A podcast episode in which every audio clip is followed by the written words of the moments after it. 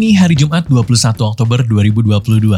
Welcome to Listener Podcast. Hari ini kita akan bahas soal sidang Richard Eliezer dan kasus penyakit kanker yang gak main-main karena jumlah pengidap di usia under 50 ini makin meningkat. And now, let's catch up. Oke, okay, di episode sebelumnya kita bahas soal sidang perdana Verdi Sambo. Now, we are moving to justice collaborator sekaligus yang dianggap kunci dalam kasus ini. Everybody, you met him before. Barada Richard Eliezer Pudihang Lumiu, aka Barada E. Well, meskipun sama-sama berstatus terdakwa, sidang Baradae ini emang sengaja digelar terpisah dari empat terdakwa lainnya.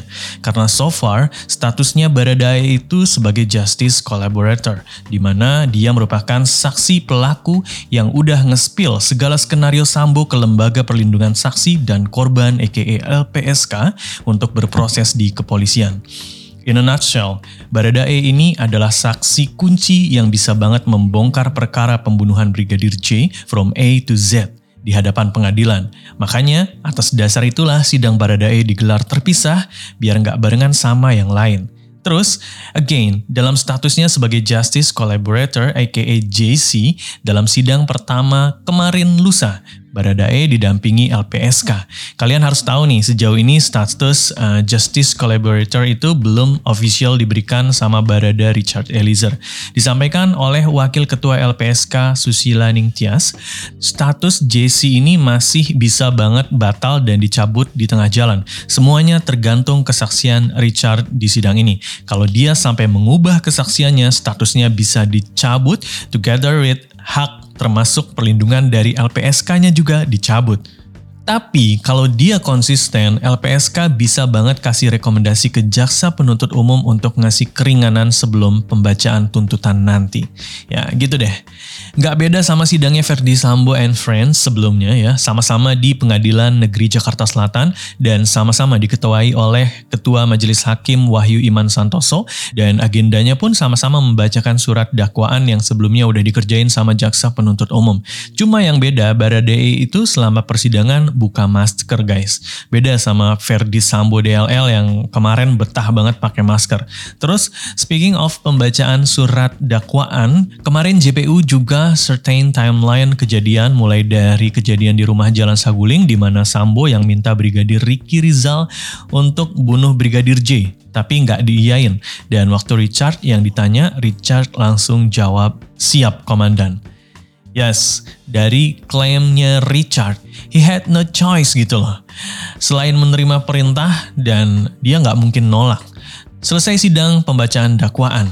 Nah, yang juga jadi concernnya para jaksa nih guys, in their words.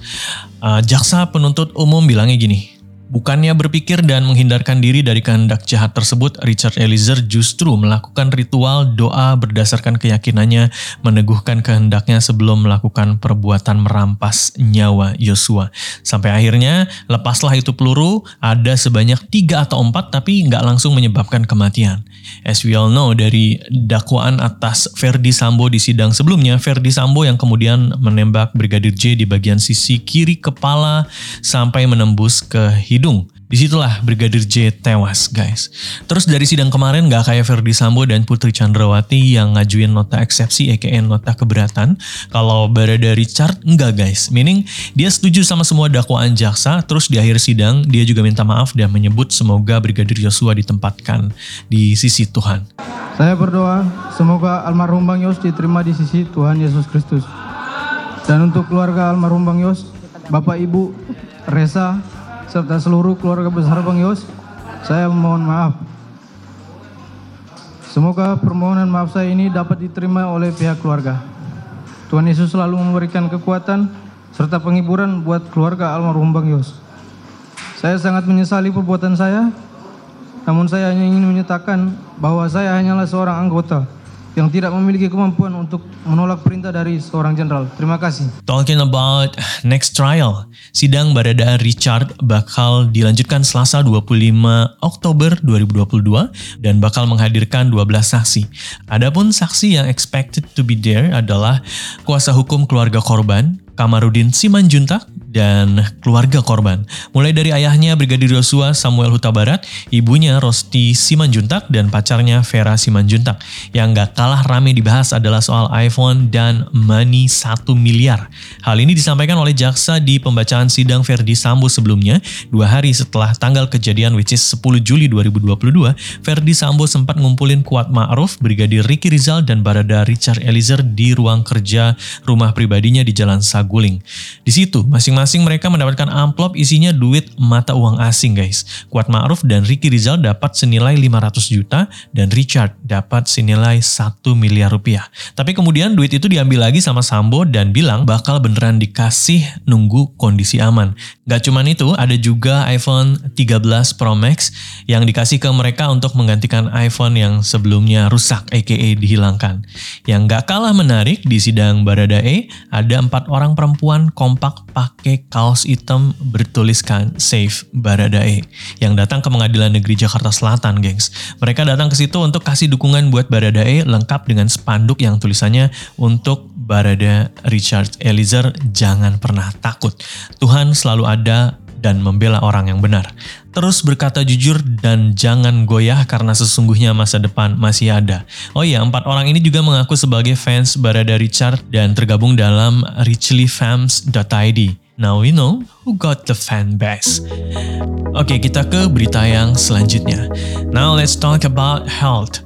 Because the number of cancer is increasing especially for those under 50. Ya guys, bener-bener deh ya, harus jaga kesehatan dan punya insurance. Karena data terbaru menunjukkan bahwa telah terjadi peningkatan jumlah penderita kanker pada orang di bawah usia 50 tahun di 44 negara, baik negara menengah maupun negara kaya.